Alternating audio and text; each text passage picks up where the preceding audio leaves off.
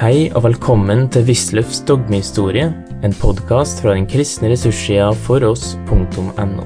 Med gjennomgang av Den kristne kirkes dogmehistorie av tidligere professor ved Menighetsfakultetet, Carl Fredrik Wisløff. Konkordieformelen vi stadig holder på med, og vi var så vidt begynt å tale om eh, artikkel 7, som behandler nattværen. Det er en meget utførlig artikkel, som rimelig er, ettersom dette måtte være en veldig viktig sak for lutherdommen. Den lutherske kristenhet så seg stående mellom Romerkirken med transsubstansiasjon og messeoffer på den ene side, og sakramenterende, som de kalte dem, på den annen side, de som fornektet eh, Jesu legemes og blods reale presens i brød og vinen. Og ikke nok med det, men pga. den de kryptokalvinistiske infiltrasjoner så hadde det vært eh, store vanskeligheter også innen de lutherske landskirker. Og man merker meget tydelig at dette er bakgrunnen i den store artikkel 7 De Køna Domini. Eh, her Eh, begynner de med å ta avstand fra eh, konsensus tigurinus, Zürich-overenskomsten, som jo ble sluttet i 1549 mellom Bollinger og Calvin. Og Der siterer de, det var det siste jeg nevnte forrige gang, eh, dette ordet, at Kristi legeme og blod er like langt borte fra tegnene, dvs. Si fra brød og vin, som himmel er fjern ifra de høyeste himler. Det er eh, eh, altså eh, Svinglis syn, som man finner igjen i konsensus tigurinus, at det også er andre tanker der, spiller i denne sammenheng ingen rolle. Man påpeker her med rette at her er den reale presens eh, fornektet. Og det tar man da avstand ifra. Og så tar de uh, og siterer med tilslutning den såkalte Wittenberg-konkordien. Den skal vi ikke beskjeftige oss noe særlig med, men det var i 1536 at Martin Bootser i Strasbourg klarte å få i stand en, en uh, konkordie, dvs. Si en slags uh, overenskomst i Wittenberg. Det er den merkeligste man uh, omtrentlig kan tenke seg. Den er den er lagt opp så forunderlig også. Ellers er det jo sånn når man lager en konkordie, så er det to parter som blir enige om at begge skal bekjenne sammen. Men her, her bekjenner bare Strasbourg-teologene, de som var med rette mistenkt for ikke å ha den rette lutherske lære, de bekjenner. Eh, wir haben gehört, wie Herr Martinus Butzer seine und anderen Predikanten Meinung so mit ihm aus den Städten kommen sind, von dem heiligen Sakrament des Leibes und Bluts Christi erklärt haben, nämlich also, kolon. Vi har hørt hva Martin Bozer og disse andre teologene bekjenner, kolon. Og så bekjenner eh, Strasbourg-teologene for lutheranerne. Og så var det ikke mer, liksom. Det, det der godtok eh, Luther den gangen i den situasjonen men det førte ikke til noe egentlig. Her er den allikevel anført, og eh, for så vidt i atter godtatt, uten at den kommer til å spille noen særlig rolle. Men så går de videre her og klargjør da hvordan det har seg med de to naturer som er til stede her, akkurat som de to naturer er forent i Kristi person, slik er brødet og vinen eh, og Kristi legeme til stede sammen i sakramentets handling. Altså Det er eh, på samme måten som Ireneus sier, at eh, det er noe himmelsk og noe jordisk i sakramentet. Det er brød og det er vin, men det er samtidig noe annet og mer. Det er ikke, og dette er ikke avhengig av dette er ikke avhengig av prestens eller kommunikantens personlige verdighet. Det er bare en eneste ting som de er avhengig av, og det er den rette sakramentale handling. At Kristi legeme og blod er der, kommer av at, Jesu, at det blir handlet etter Jesu innstiftelse. Det har jo Luther også sagt så veldig sterkt mange ganger, og det blir her sitert fra forskjellige Lutherskrifter. De sier nettopp det. F.eks.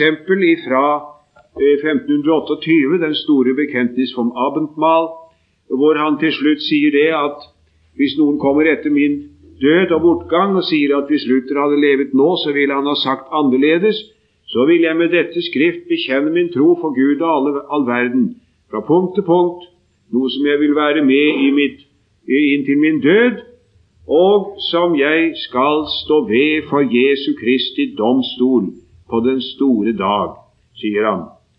Og det er da dette med den reale presens, og at den er sånn å forstå at man mottar Jesu legeme og blod med munnen, og at også de uverdige faktisk mottar Jesu legeme og blod. Det er bare avhengig av at man følger innstiftelsens ord og ikke noe annet.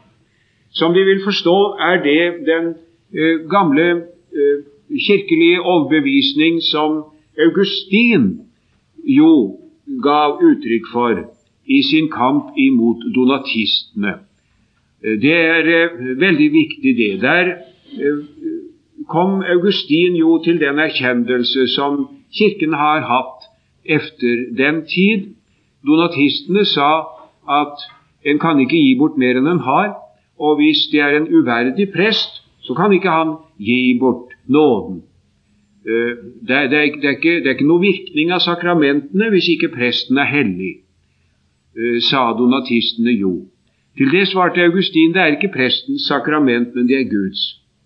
Og akkurat som et gullstykke er et gullstykke, om det så er i hånden på en kjeltring, så er sakramentet sakrament, selv om det er en uverdig prest som rekker det, og en uverdig nattverdgjest som mottar det. Denne antidonatistiske holdning, eh, den eh, som altså skjelner mellom sakramentum på den ene siden og usus sacramenti på den andre siden, den eh, bekjenner Luther seg til her med stort eftertrykk i sin situasjon og den lutherske kirke efter ham. Men pussig nok, i samme åndedrett nesten, på samme trykkside her i den utgaven jeg har for meg, så løper det med inn en merkverdig inkonsekvens. For så heter det det at øh, sakramenterende, øh, disse som ikke tror på Jesu legemes og blods reale presens, de har heller ikke Jesu legeme og blod, men bare brød og vin. Hi dubio procul nil nisi panum et vinum in køna habent, heter det. Det er jo i virkeligheten veldig inkonsekvent da, eh, at han kan si det, for de reformerte, som vi kaller dem, har jo allikevel innstiftelsen. Og man skulle jo da tro at man ville si de har den sanne nattverd, selv om de fornekter det. Deres fornektelse er en alvorlig sak, men Guds nåde er større. Det ville jo ha vært i konsekvens med selve resonnementet, men den konsekvens trekkes ikke, tvert imot den, den, den fornektes. Det er merkelig. Men så går man over til et punkt som allerede var begynt å bli ganske mye uh, Ja, for det første må jeg skyte inn at her er det man finner denne formel i, med og under. I, med og under brødet og vinen. Sub pane, innpane pane, disse Corpus Christi. Sub Kum og inn. I, med og under, sier vi gjerne. Eh, det, det, er, det, er, det lutherske standpunkt. Og Det kaller man da for konsubstansiasjon. Konsubstansiasjon. Eh, det er ikke alle som er noe glad i det ordet. Eh, noen sier, og med rette, at det, det kunne gi inntrykk av at Jesu legeme og blod liksom fortsetter å være der i brødet og vinen etter bruken. Og så har vi denne eh, katolske forestilling igjen at hva skjer så hvis en mus kommer og gnager? Og det kan jeg for så vidt være enig i, men vi har ikke noen bedre terminus allikevel. Det er konsubstansiasjon, for det er både brød og vin og Jesu legeme og blod. In, kum og sub. Men, men så kommer altså konsekrasjonen. Eh, hvordan går det for seg at eh, Jesu legeme og blod eh, er der? Innstiftelses, innstiftelsen er jo det, det avgjørende. Og Jesu ord, det, det virker. Og Derfor tar de også veldig avstand ifra de reformerte som nekter det. Det blir sitert noe fra Theodor Besa, og det er jo også sant å si nokså nokså grusomt, det som Besa presterte å si. Eh, han tar for seg eh, den lutherske lære om mandukatio oralis, at man mottar Jesu legeme og blod med munnen, og mandukatio indignorum, at også de uverdige mottar Jesu legeme og blod. Og så kaller Besa det for duos pilos cauda equina et commentum cuius vel ipsum satanam pudiat, som det er sitert her. Altså Eh, to, eh, to hår ifra en hestehale og et påfunn som Satan selv måtte skamme seg ved. Hadde Besa sagt om, om disse to ting, mandukatio oralis og mandukatio indignorum. To, to hår ifra ei hestehale. Det var jo ikke pent sagt, men slik snakket man nå den gangen. Men øh, konsekrasjonen hvordan skal vi forstå dette at vi leser innstiftelsesordene, og så tror vi at vi siden mottar Jesu legeme og blod under brødet og vinen? Ja, det var aktuelt på grunn av den striden som presten Saliger hadde gitt foranledning til. For han, det har jeg nevnt så vidt, for han sa jo nemlig det at uh, i det øyeblikk som innstiftelsesordene er lest, så er Jesu legeme og blod der uh, med en gang. Uh, endog før vi mottar det med vår munn. Nei, sa andre, det stemmer ikke. Det er bare mens vi mottar det. Utenom bruken er det ikke noe nærvær. Ekstra usum De tre nederste linjene på side 144 Nihil habet rationem sacramenti extra usum a Christo institutum. Eh, eh, det er ikke noe sakrament utenom den bruk som er innstiftet av Kristus. Enda kortere extra usum non sacramentum. Sånn kan De gjerne notere det hvis De vil. Extra usum non sacramentum. Det er ikke noe sakrament utenom bruken, og dette kranglet de da av. Og eh, dette tar Concordie-formelen opp med, i, i, ganske stor bredde, og sier i grunnen to ting især. For det første det, det, det er ikke prestens ord i og for seg som virker at Jesu legeme og blod er her. Men det er Jesu ord som han uttalte den gang han innstiftet nattverden. De virker ennå stadig når vi fører denne handling videre. Og Her siterer de Krysostomos fra den gamle kirkes tid. Krysostomos som hadde sagt det en gang at det er med nattværen som det er med skapelsen. På skapelsens morgen så sa, så sa den allmektige Gud eh, vær fruktbare og mangfoldige. Og, og, dette ordet til skapningen, det virker ennå stadig. Når, når, menneskene lever eh, innen de ordninger som Gud har, har, har, har gitt, så virker Hans skaperord ennå stadig slik at, at uh, alle arter, dyr, mennesker, planter, formerer seg. Det skaperordet i, på skapelsens mål som ennå virker stadig. På samme måten er det med Jesu ord da han innstiftet nattverden. Han sa 'Dette er mitt legeme, dette er mitt blod'. Og når vi da gjør som han har sagt, så virker våre ord det som han vil. Men det er innstiftelsen den gang som vi først og fremst skal tenke på, heter det. Og det andre det er at uh, hele, hele nattværhandlingen er en enhet. Hvis, hvis, ikke vi, hvis, ikke vi, gjør alt det som Jesus har budt oss å gjøre, ja, så er det ikke noe sakrament.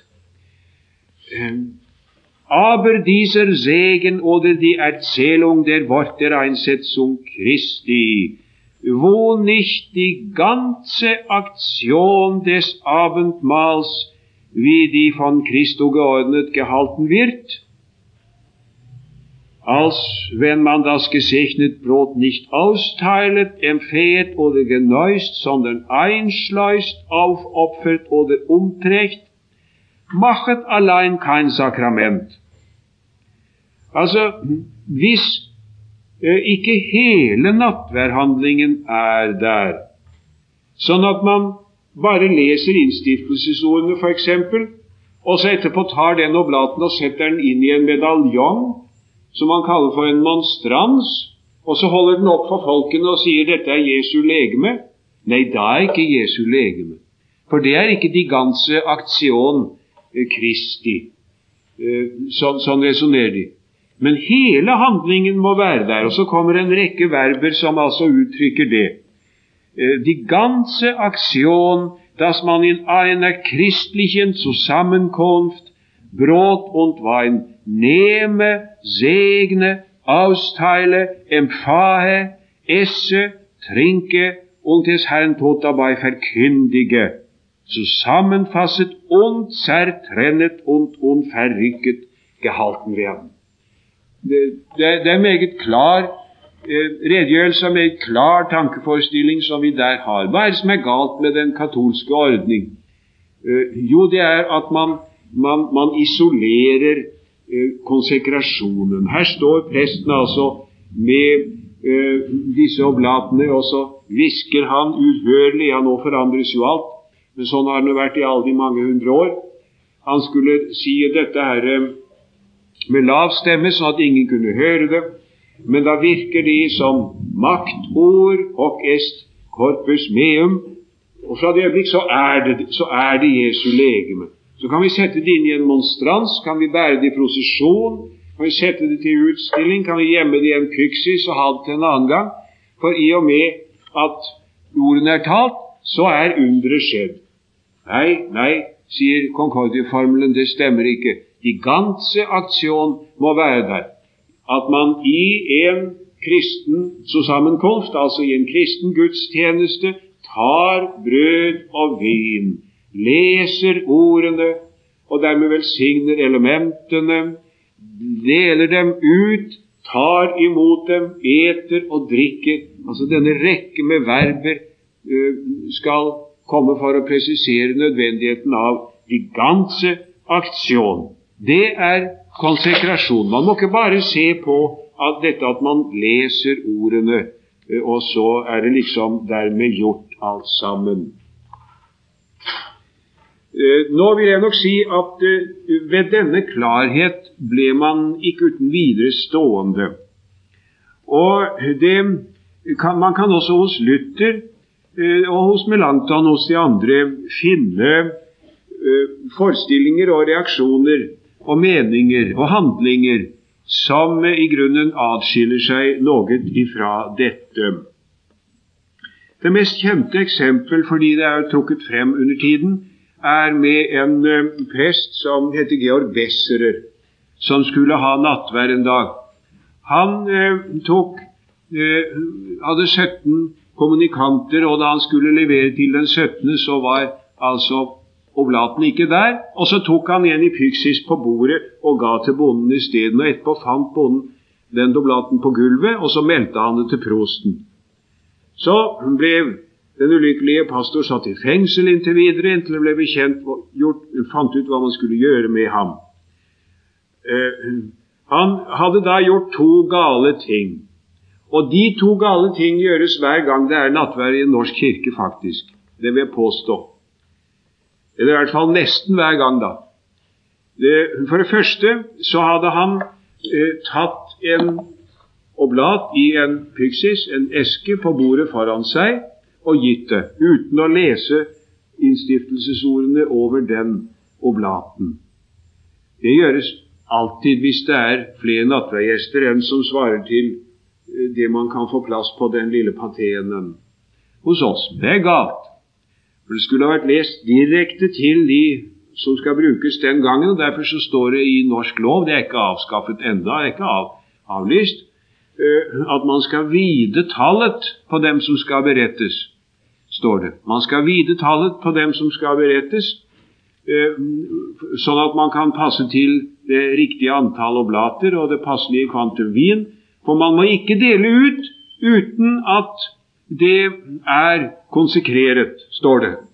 Og det gjelder for så vidt enda ingen av oss som gjør det, uten at vi av den grunn føler oss som noe dårligere lutheranere. Og vi har jo for den saks skyld også fått lov til å gjøre det, ettersom ingen behøver å melde seg på forhånd nå for å gå til alter, så presten aner ikke hvor mange nattverdgjester han, han får. Han kan ikke vite det. Og For det andre så hadde denne Georg Besserer tapt en konsekrert oblat. Han fant den på gulvet, og så la han den oppi Pyksis igjen. Det var forferdelig galt. For da skulle en konsekrert og en ukonsekrert oblat ligge i samme eske. Så prosten rådet til at man pietetsfullt brente alle de oblatene i den esken, eh, for man kunne jo ikke vite hva, hva som var hva. Eh, eh, merkelig forekommer det at man skulle brenne dem.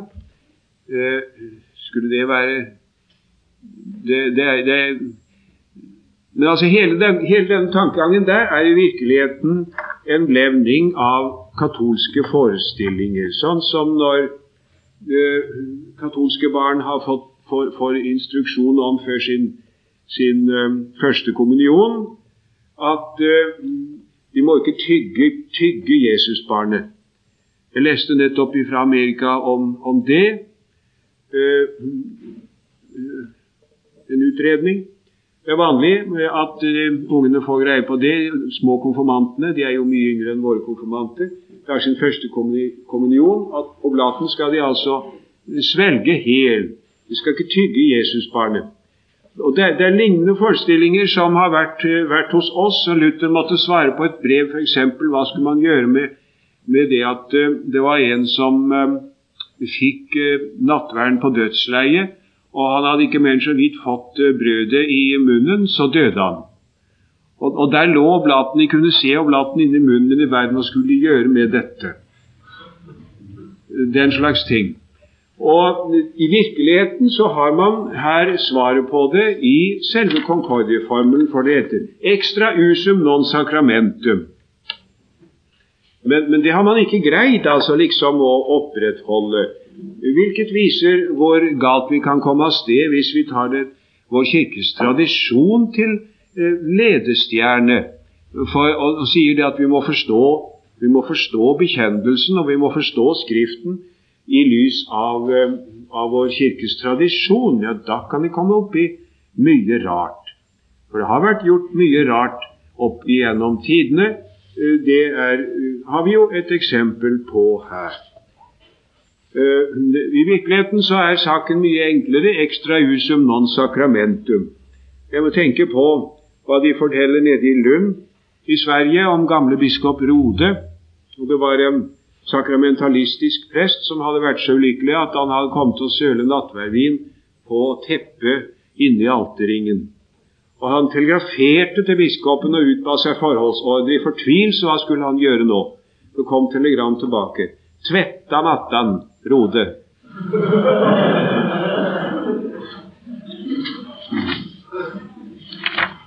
Det, det, er i virkeligheten i, i, den ånd som man finner i, i Concordie-formelen, hvis man bare tar den for det som står.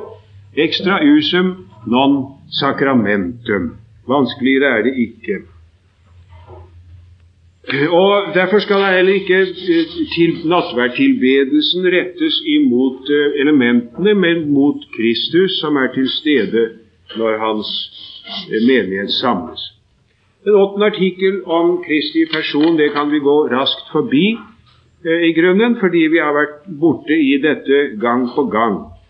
Det er nattverdteologiske overveielser som nødvendiggjorde en presisering av kristologien. På grunn av dette altså at uh, man sto overfor det problemet Kristi legeme er i himmelen, hvordan kan det da være her? Jo, eh, på grunn av at det er et symbol, sa Svingli. Nei, sier katolikkene, på grunn av et under. Det skjer en forvandling. Nei, sier Calvin, på grunn av en hemmelighetsfull åndens virkning. Men lutheranerne sier øh, de bryter fullstendig med denne forestillingen om en lokal himmel og sier hans legeme og blod han er alle steder, også som eh, også etter sin menneskelige natur. Der står det som jeg har vært inne på en gang før, om inviolata ipsius, dvs. Si Maria, skal vi se, der er, der er parentesen kommet ganske galt. Det, det det, ordet Maria skal stå i, i parentes. Og så skal jeg stryke den siste eh, som står etter ordet partum i følgende linje.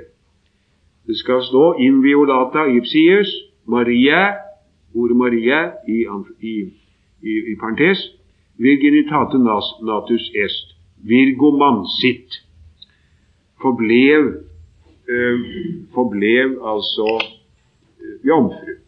Det er det gammelkirkelige som er beholdt her, faktisk. Nå sa de reformerte 'finitum non capax infiniti'. Det er altså en filosofisk setning at det øh, endelige kan ikke romme eller ta imot det uendelige. Følgelig kan en menneskelig natur ikke ha del i guddommens allestedsnedværelse. Eh, det innrømmer lutheranerne her i sin alminnelighet, men sier at eh, når det gjelder Kristus, så får vi holde oss til de åpenbarede ord og eh, tro det. In Christo illorum capax esse nequiat. Eh, vi vil ikke nekte for det at in Christo kan den eh, den uendelige, guddommelige natur dog rommes i den endelige menneskelige, fordi nemlig at Skriften sier så. Det er altså eh, ikke noe annet enn at man gjør alvor av sola scriptura. Filosofi skal ikke forklare oss hva vi skal tenke om eh, troens saker. Det skal Guds ord alene gjøre. Filosofiske ma maksimer eh, bøyer vi oss ikke for hvis de sier imot Guds ord. Men så kommer det en merkelig artikkel altså om, eh, om Kristi nedfart til dødsriket. Det er en, en, en kort artikkel, men en lang og merkverdig sak. Jeg har etter mye frem tilbake allikevel besluttet meg til å ta det ganske kort, og aktet jeg var fristet til å ta det langt, for det er så mye rart her. Veldig mye rart. Det syns jeg ikke jeg vil ta tid til allikevel. Men eh, man hadde man, man, stredes om dette eh, i, i eh, trosbekjennelsen 'Han for ned til dødsriket'. Hva er meningen med det? Hva er meningen med det? Jo, der har jo da den eh, katolske tradisjon gjennom hele middelalderen og oppover imot vår egen tid eh, den lære at eh, der nede er det helvete, og så er det limbus patrum, der hvor de gammeltestamentlige fromme holdt til, og så er det limbus purorum, hvor de udøpte barn holder til. Og når da Kristus for ned til dødsriket, hva gjorde han der? Hvem, hvem, besøkte han der? Jo, sier den gammelkirkelige tradisjon, han utfridde eh, de gammeltestamentlige fromme. De fulgte da med ham til himmelen, sånn at det er tomt der nå i limbus patrum, eh, heter det i den gamle. Det, det er oldkirkelig.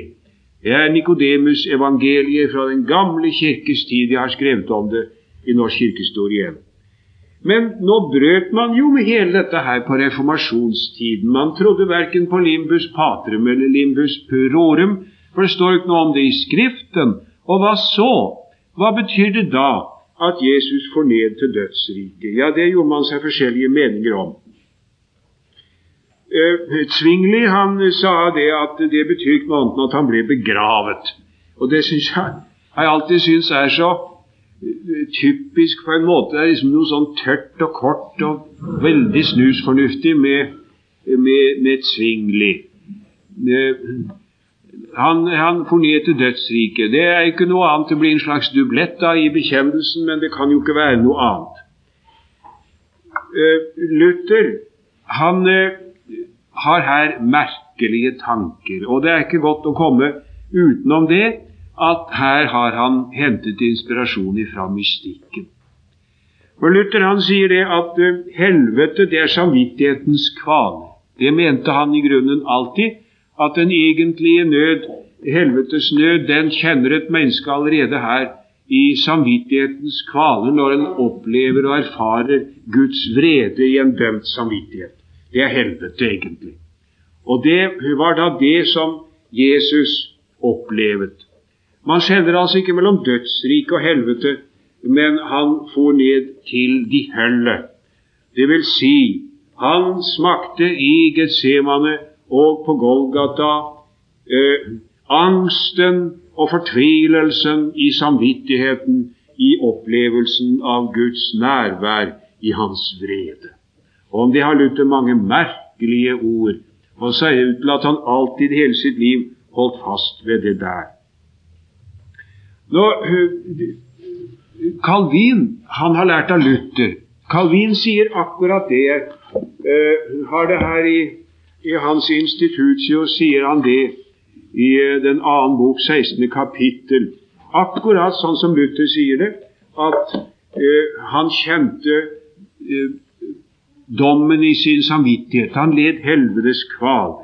Han kan ikke ha lært det av noen annen enn av Luther. Melanchthon derimot, han ligger på sett og vis på den gammelkirkelige linje, og det er også typisk. For Melanchthon var en lærd patristiker. Hva var det overhodet som han ikke kunne? Han kunne alt, kjente alt. Og i Patres var han fenomenalt vel skolert.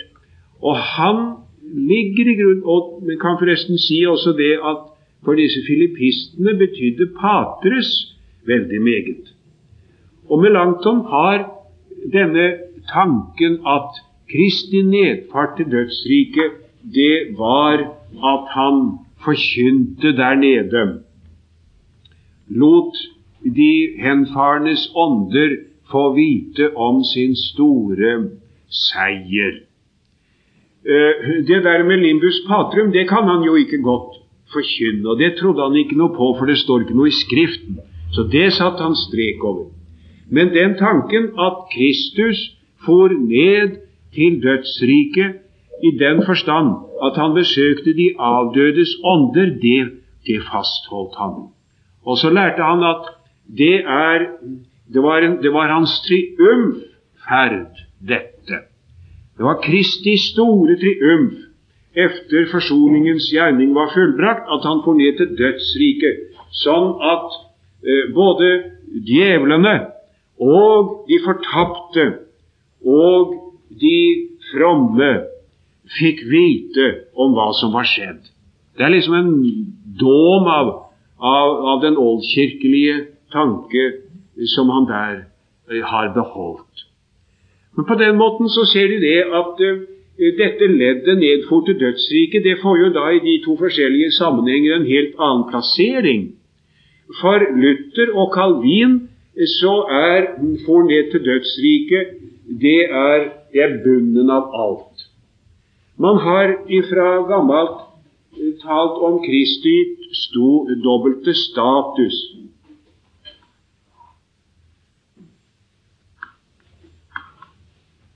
Nei, jeg har da visst skrevet det. Uh, jo da, uh, litt nedenfor midten av side 145. Status ex na skal det stå nitionis og exaltationis. Uh, det, det, er dannet altså i tilslutning til Filippenserbrevets ord at han, han, fornedret seg Han ble lydig inntil døden, ja, korsets død, og så har Gud høyt opphøyt ham. Hans fornedrelsesstand og hans opphøyelsesstand. Hvis vi nå følger Luther i hans tankegang, hvor hører da for til dødsriket hem? Det er jo da helveteskvalene i samvittigheten. Ja, det hører da ned i fornedrelsesstanden. Det er siste etappe, dypeste trinn i fornedrelsen. Men hvis vi følger med langt om, da er det jo ikke det, for det var en triumf. Og da er det første trinn i opphøyelsen. Første trinn i opphøyelsen. Se. Og, og dette her, det diskuterte de da noe ganske voldsomt, for det var en som het Epinus, som hadde tilegnet seg eh, Luthers tanker med litt rann, eh, variasjoner. Eh, og Bogenhagen, han hadde jo var så gammel han hadde hørt eh, Luther forelese over salmene. Han glemte aldri det. Forelesning over salme 16, hvor han har så mye merkelig om dette han for ned til dødsriket. Og da de så skulle uh, jevne ut dette her og lage et kapittel i Concordie-formelen, da var de oppimot voldsomme vanskeligheter. Og vi har en betenkning om dette. Jeg har den her i avskrift, men jeg har ikke tid til å gå noe mer inn på den, som viser de aller største vanskeligheter. Det vrir seg både frem og tilbake i et helt forgjeves forsøk på å la både Martin Luthers og Philip Melanchtons tanke komme til uttrykk. Det er jo altså simpelthen ikke råd. Hva står det da her? Det er ganske kort, og det står det. For det første tar de avstand ifra uh, ifra uh, Svingli, uten å nevne navn her òg, som sier at det bare betyr begravelsen. Det kan jo ikke være riktig. Det går de uten videre forbi. Og så sier de bare det at man skal med all enfoldighet tro at den hele person, Gud og menneske, etter begravelsen for ned til høllet, til helvete. Eh, innfør oss heter det da på, på latin. Og overvant djevelen ødela helvetes makt og tok fra djevelen all hans makt. Men hvordan sånt er gått for seg, det vil vi ikke bekymre oss for med høyest besvindige tanker. Eh, for eh, denne artikkel, like så lite som den foregående, hvordan Kristus sitter ved Guds høyre hånd med makt, er, lar seg begripe av fornuften og de fem sanser, men bare må tros og antas på Hans ord, så holder vi da ganske enkelt fast på denne kjerne og denne trøst, at alle som tror på Kristus, kan ikke skades eller fanges verken av helvete eller av djevelen, for Kristus har seiret over dem. Men de ser jo hva det er blitt ut av det. Ja, det er om. Og det da, har da siden vært den lutherske kirkes lære. Når Kingos synger i en salme en torden preken han dem av sin munn lot høre. Altså Djevlene fikk høre en tordenpreken om at nå var deres nederlag definitivt, og uh, han hadde seiret. Uh, og i polemikken mot de reformerte så hette det stadig det at Kristi nedfart til de hølle, det er første trinn i hans opphøyelse, mens de reformerte sa det er laveste trinn i hans fornedrelse. Og den historiske merkverdighet og ironi er da den at hver gang lutheranerne tordnet imot forestillingen om at hans helvedes, hans fart til dødsriket, var det dypeste i hans fornedrelse. Hver gang lutheranerne bekjempet det, så kjempet de mot Martin Luther. Ja, for det har de nemlig gjort i alle disse hundre år. Det er et faktum. Og eh, det, eh, det, som vi har her i, i Concordia-formelen er faktisk Melanchthon som har seiret. Jeg vil få nevne for dem å peke på at vi har jo et par salmer for påskeaften i, uh, i vår salmebok. Og Der er det en uh, fra England, en salme fra England som Gustav Jensen har oversatt. Og Se nå hva vi her har i vår kirkes salmebok på påskeaften. For det var naturlig å tenke på dette. Han forlete dødsriket. I de mørke dødens riker lys der skinner ukjent før. Levendes og dødes Herre treder inn ad åpen dør. Se, han kommer der fra korset hvorfor syndere han led. Se, han kommer, livets konge, til de dødes stille sted. Ved det syn alt helvete bever, mørkets makter redde flyr, døden for hans føtter felles, lys fra paradiset gryr. Og hans folk forsamles til ham, lyset drager dem med makt, og, med salig undren hører de det bud som han har brakt. Patriarker og profeter som mot paktens lys har sett, og av alle folkestammer, hver som var av sannhets ett, og til hvilket lys han kaller, og til hvilken lov og pris, opp fra dødens mørke riker hjem til livets paradis. Og der ved hans høyre side røveren fra korset står, nu han Jesu løfte sanner, glad til paradiset går, når. Levendes og dødes Herre Jesus frelse, tenk på meg, la og meg, når mørket faller, gå til paradis med deg. Det er uh, i grunnen artikkel 9 i Concordie-formelen med en litt sterkere anklang av oldkirkens eh, så å si koloritt, eh, men i alt vesentlig dette, og det er Melanchthon.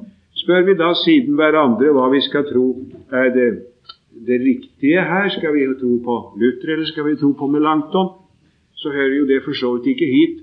Men eh, det er jo interessant i ethvert fall å vite at det var de reformerte som ble stående ved, ved, eh, ved Luther. Og i eh, Heidelberg-katekismen fra 1563, et av de aller viktigste reformerte bekjennelsesskrifter, der står det et spørsmål som går ut på hva betyr Jesu eh, hva betyr det for meg at Jesus for ned til dødsriket? Og svaret heter så at jeg i all min nød og samvittighetsangst, ja, i dødens angst, skal vite at min Herre Jesus har smakt alt dette for meg. I den retning ser man altså det, mens eh, man her i Concordie-formelen har sett på den andre side av saken, eh, nemlig at han har seiret allerede det første trinn i opphøyelsen. Hva som da er det riktige, ja, så det får vi spørre Det nye testamentet om. Personlig så må jeg jo si at uh, jeg syns valget ikke er så ganske, ganske lett. Jeg føler meg sånn uten videre tiltalt ved noe i begge tradisjoner, både hos Luther og hos Melanchthon, men jeg skulle allikevel tro at en eksegetisk besindelse på 1. Peter 3 faktisk peker i Melantons retning. Jeg kan ikke skjønne annet, men det får de spørre eh, professorene Larsson og, og Sverre Aalen og de andre nytestamentlerne om. Om adiafora er da neste punktet. Eh, jeg nevnte for dem at det var den veldige striden eh, som var ifra eh, disse to interim i 1548, Augsburg og, og Leipzig, især det siste var fortvilet vanskelig, fordi Branton skulle endelig lage et kompromiss. Og det hender at kompromisser er det verste man har å gjøre med, og sånn gikk det der. Det ble en bitters, elendig strid. Og, uh, uh, men, og den striden den fortsatte endog etter at det ytre presset stort sett var, hev, var hevet i og med religionsfriden i 1555. For innenfor de lutherske landsområder så fikk man jo da lov å ordne seg som man ville. Men det er rart med en bitter strid. Den legger seg ikke så snart. Og Derfor måtte de her eh, ta opp dette, og det er i artikkel 10 von Kirchengebräuchen de Ceremonies Ecclesiastikis i Concordie-formelen. Uh, her, her, gikk det veldig lett nå å komme til enighet under forhandlingene på forhånd og det er i grunnen ikke noe særlig strid. Det er den ene Her er det ikke noe uh, mellom, mellomproporsjonalledd, sånn som man har funnet enkelte steder mellom den mauristiske strid f.eks. ble jo begge ytterligheter fordømt.